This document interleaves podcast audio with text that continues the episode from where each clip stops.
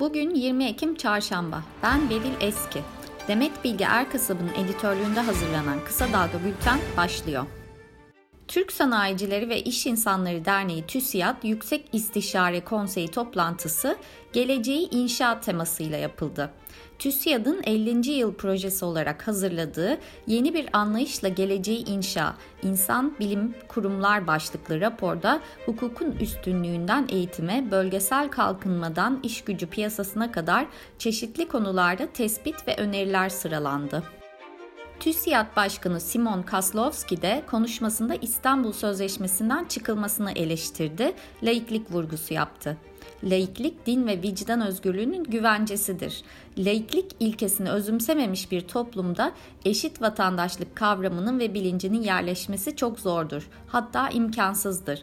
Vatandaşlık bilincinin olmadığı yerde ise modern ve demokratik bir toplumu kurmak, korumak güçleşir dedi. Kaslowski ülkenin kurumsuzlaşma girdabında olduğuna işaret ederek kişi başına gelirimiz 2007 seviyesinin dahi altına düştü. Çalışabilen nüfusumuzun iş gücüne katılım oranı ancak %50-55 civarında takılı kalıyor. Bugün iş gücü piyasasında en geniş tanımlı işsizlik oranımız %22 gibi oldukça yüksek bir seviyede. Dünya Adalet Projesi Hukukun Üstünlüğü Endeksinde 139 ülke içinde 117. sıradayız. Bu tabloya baktığımızda bizim yeni bir kalkınma anlayışına duyduğumuz ihtiyaç çok açıktır, dedi. TÜSİAD'ın toplantısını takip eden gazeteci Hakkı Özdal, TÜSİAD'ın çalışmasını bir hegemonya hamlesi olarak gördüğünü söyledi. Özdal, tam olarak hegemonya eksikliğine, ideolojiye karşılık gelen bir program, Millet İttifakı'nın bir türlü yapamadığı programı dile getirdi aslında. Bunu da başarıyla yaptı. Bu açıklananlara, söylenenlere Saadet Partisi de, CHP de, İyi Parti de bir şey demez. Kapıya dayanmış değişimden ümitlenenler için TÜSİAD çok önemli bir iş yaptı. Karşısında örgütlü emek yokken neredeyse onların haklarını da savunur gibi görünüyor. Sendikasızlaşma diyor, gelir adaletsizliği diyor. Bundan sonrası için AKP'ye yakın sermaye gruplarının MÜSİAD'ın daha düşük ölçekli sermaye kesimlerinin tutumunu görmek lazım dedi.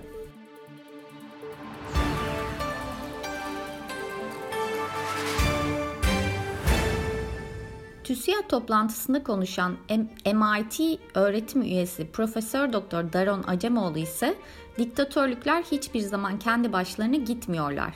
Ekonomik krizler içinde ekonomik krizler çoğu zaman demokrasiye yol açıyorlar ve buna rağmen bu zorluklara rağmen demokrasiler bu katkılarda bulunuyorlar dedi.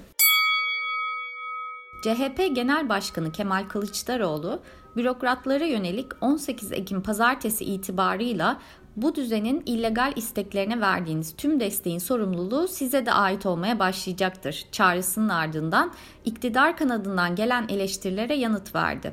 CHP lideri Kılıçdaroğlu hiç kimseyi çalışan yasal ölçüler içinde çalışan hiç kimseyi tehdit etmek benim haddim değildir. Kim devletine ve milletine hizmet ediyorsa benim başımın üstünde yeri vardır. Ama mafyatik ilişkiler içine girenler tehdit mi ediyorsun diyorlarsa evet onları tehdit ediyorum. Kimsenin kul hakkını yedirmeyeceğim dedi. Avrupa İnsan Hakları Mahkemesi Vedat Şorli'nin Cumhurbaşkanı'na hakaretten mahkum edilmesini ifade özgürlüğünün ihlali saydı. Ahim'in Shorley'e Facebook'tan paylaştığı bir fotoğraf ve bir karikatür nedeniyle 2017'de Cumhurbaşkanı'na hakaretten 11 ay 20 gün hapis cezası verilmesine ilişkin kararı yorumlayan avukat Kerem Altıparmak Bugünden itibaren anayasanın 90. maddesi uyarınca tüm Cumhurbaşkanına hakaret davalarında beraat düşme kararı verilmesi hukuki bir zorunluluktur dedi. Yargıtay, Yüksek Seçim Kurulu üyelerinin hukuka açıkça aykırı olan kararları nedeniyle tazminat ödemek zorunda olduklarına karar verdi. Hukukçular Yargıtay Hukuk Genel Kurulu'nun CHP'li Hüseyin Gülkanat'ın açtığı davada verdiği bu kararın seçim güvenliği ve YSK kararlarının hukuka uygun olması konusunda çok önemli bir adım olduğunu belirtti. Davayı açın, açan avukat Oya Aydın bu karardan sonra artık YSK üyeleri başta olmak üzere tüm il ve ilçe seçim kurullarında görev yapan yargıçların çok daha dikkatli olacağına ve adil bir seçim yapılması konusunda hukuka uygun hareket edeceklerine inanıyorum dedi. TBMM'ye sunulan bütçe teklifine göre Cumhurbaşkanı Erdoğan kendi maaşına %14.4 zam yaptı. Eğer teklif kabul edilirse Erdoğan'ın 88 bin lira olan maaşı 100 bin liraya çıkacak. Sosyal medya hesabından Erdoğan'ın maaşının yıllara göre artışını paylaşan CHP Grup Başkan Vekili Özgür Özel, alacağı aylık zam 4,5 asgari ücret tutarında. Bu tek adam memura, işçiye, emekliye cimri, kendine bonkör. Saraya şatafat, vatandaşa sefalet düşüyor ifadelerini kullandı. Osman Kavala'nın özgürlüğünü talep ettikleri için Dışişleri Bakanlığı'na çağrılan 10 büyükelçi ile ilgili bakanlıktan yazılı açıklama yapıldı. Açıklamada Türkiye'nin insan haklarına saygılı, demokratik bir hukuk devleti olduğu vurgulanmış ve Türk yargısının bu tür sorumsuz açıklamalardan etkilenmeyeceği hatırlatılmıştır denildi. MHP Genel Başkanı Devlet Bahçeli, partisinin grup toplantısında yaptığı konuşmada Kılıçdaroğlu utanmadan sormuş Osman Kavala neden hapiste? Selahattin Demirtaş neden hapiste? Osman Kavala Sorosçudur, Selahattin Demirtaş teröristtir. Teröristin yeri de demir parmaklıkların arkasıdır dedi. Bahçeli İstanbul Büyükşehir Belediye Başkanı Ekrem İmamoğlu'nu da eleştirerek görev sahası İstanbul'la sınırlı olan bu belediye başkanının il il gezmesinin sebebi nedir? Neyin hazırlığı içindedir dedi. İmamoğlu ise Bahçeli'ye verdiği yanıtta beni ne kadar seviyormuş Bahçeli sürekli benim yaptıklarımı takip ediyor demek ki dedi. Kars'ta görev yapan bir doktor kaldığı apart otele gelen arkadaşının kimliğini yasal olmadığı için apart görevlilerine vermeyince fuhuş yapmakla suçlandı. Kapısına polisin geldiği ve karakola götürüldüğünü belirten doktor, ısrarla içerideki misafiri görmek istediler. Evimi arama yetkileri olmadığını, misafirimin cinsiyetinin sorulmasının çağ dışı olduğunu söyledim, dedi. Mor Çatı kurucusu avukat Canan Arın, bunlar hep şeriatın adımları ve IŞİD'in Türkiye'ye hakim olmaya başlamasının göstergeleri. Bu hükümetin tutumu sonucunda bu hale geliyor. Hiç kimseyi ilgilendirmez sizin evinize gelenin kim olup olmadığı. Artık insan haklarını hiçe sayıp tamamen ayaklar altına alıp çiğniyorlar dedi. Sırada koronavirüsle ilgili haberler var. Koronavirüs vaka sayılarında 5 gündür görülen düşüş seyri tersine döndü. Artışa geçen vaka sayıları yine 30 bin sınırına dayandı. 18 Ekim'de kaydedilen 24 saatlik verilere göre 29.240 vaka tespit edildi. Vefat sayısı ise 214 olarak kayıtlara geçti. Eğitim Sen'in son raporuna göre geçtiğimiz hafta Türkiye'de 32 il, 127 ilçe ve 24 köyde Covid-19 salgını sebebiyle 798 sınıf kapandı. 580 öğretmen, 2493 öğrenci ve 24 personel pozitif ya da temaslı oldu. Koronavirüsün çok sayıda nörolojik sorunu tetikleyebileceği giderek daha da netleşiyor. İngiltere'de yapılan araştırmada hafif seyreden COVID-19'un bile beyinde küçülmeye neden olabileceği açıklandı. Ve ekonomi haberleri. Dolar dün sabah saatlerinde 9.37 seviyesini görerek rekor tazeledikten sonra 9.32 seviyesine geri çekildi. Euro ise tarihi zirvesini 10.93'e taşırken güne 10.87 lira seviyesinden başladı. Fransa merkezi Uluslararası Societe Generale Bankası dolar TL beklentisini yıl sonu için 9.80'e çıkardı. Banka 2022'nin ilk çeyreğinde dolar TL'nin 10.40'a, 2022'nin 3. çeyreğinde ise kurun 11.60'a ulaşmasını bekliyor.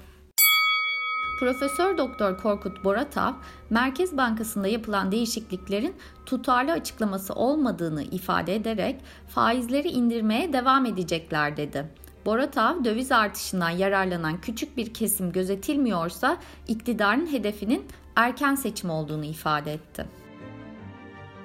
CHP İstanbul Milletvekili Özgür Karabat, Merkez Bankası Başkan ve Başkan Yardımcılarına yasal mevzuata aykırı olarak birden çok makam aracı tahs- tahsis edildiğini söyleyerek kurum uyarılara rağmen aynı hukuksuz işlemlerde ısrar ediyor dedi. Karabat araçların piyasa değerinin 40 milyon lira olduğunu söyledi. Satılık konut ilan metrekare fiyatı Eylül'de %42.3 arttı. Sahibinden.com ve Bahçeşehir Üniversitesi Ekonomik ve Toplumsal Araştırmalar Merkezi'nin hazırladığı rapora göre konut fiyatlarında ülke genelinde yükseliş Eylül ayında da devam etti. Ağustos'ta %38.9 olan ilan fiyatındaki yıllık artış oranı Eylül'de %42.3 oldu. İstanbul'da kiralar en çok Beykoz'da arttı.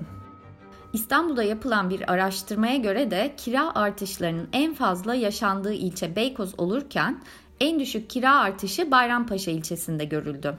Eylül 2021 itibariyle ortalama metrekare fiyatının en yüksek olduğu 3 ilçe sırasıyla Sarıyer, Beşiktaş ve Beyoğlu olurken en düşük metrekare fiyat ise Sultanbeyli, Çatalca ve Arnavutköy ilçelerinde gözlemlendi. İBB'den yeni taksi plakası sistemi. İBB internet sitesinden kentteki yeni plaka sistemi anlatıldı. Buna göre ticari plakaların satış işlemlerinde meslek şartı aranacak. Ticari plakaların hisseli satışı engellenecek. Ve dünya haberleri. Rusya Dışişleri Bakanı Sergey Lavrov, bir gazetecinin Cumhurbaşkanı Erdoğan'ın Dünya Beşten Büyüktür ifadesine ilişkin düşüncelerini sorması üzerine ona katılıyorum. BM Genel Kurulu'nun 5 daimi üyesinin dünyanın kaderini belirleme hakkına sahip olmadığı konusunda onunla aynı fikirdeyim, dedi. Britanya Başbakanı Boris Johnson, iklim krizinin yeni tip koronavirüs salgınından çok daha kötü olduğunu belirterek özel sektörün iklim kriziyle mücadele için trilyonlar harcaması gerektiğini bildirdi. Yunanistan, Kıbrıs Cumhuriyeti ve Mısır liderleri Atina'da 9. düzenlenen üçlü zirvede Türkiye'nin Doğu Akdeniz'deki eylemlerini kınayan ortak bir bildiri yayımladı. Bildiride Türkiye'ye uluslararası deniz hukukuna riayet etmesi, devletler hukukuna aykırı tek taraflı eylem ve provokasyonlardan kaçılması çağrısı yapıldı. ABD Dışişleri Bakanlığı, Washington'ın F-35 krizini çözmek için Ankara'ya F-16 savaş uçağı vermeyi teklif ettiğini söyleyen Cumhurbaşkanı Recep Erdoğan'ın açıklamalarını yalanladı. Bakanlık, Türkiye'nin F-16 satın alma talebi olduğunu ve buradaki ödeme ile ilgili ABD'nin Türkiye'ye herhangi bir finansman teklifinde bulunmadığını belirtti. Hollanda'nın Rotterdam kentinde büyük bir kalabalık şehrin gayrimenkul politikalarını protesto etmek için sokağa çıktı. Polisin müdahale ettiği eylemde şiddet olayları yaşandı, 50 kişi gözaltına alındı. Ve kısa dalgadan bir öneriyle bitiriyoruz. Kısa Dalga'nın yeni podcast serisi Bu ışıltılı hayatı biz seçmedik başladı. Türkiye'nin gündemi malum çok renkli, çok ışıltılı, gözlerimizi kamaştırıyor sosyal medyada haber, haber içeriği ve yorum takip etmekten yorulduysanız sizin için her hafta bir konuyu ele alacağım diyen Özge Mumcu Aybars ilk programında dünyayı kasıp kavuran Pandora belgelerini anlatıyor. Kısa Dalga.net ve podcast platformlarından dinleyebilirsiniz. Gözünüz kulağınız bizde olsun. Kısa Dalga Medya.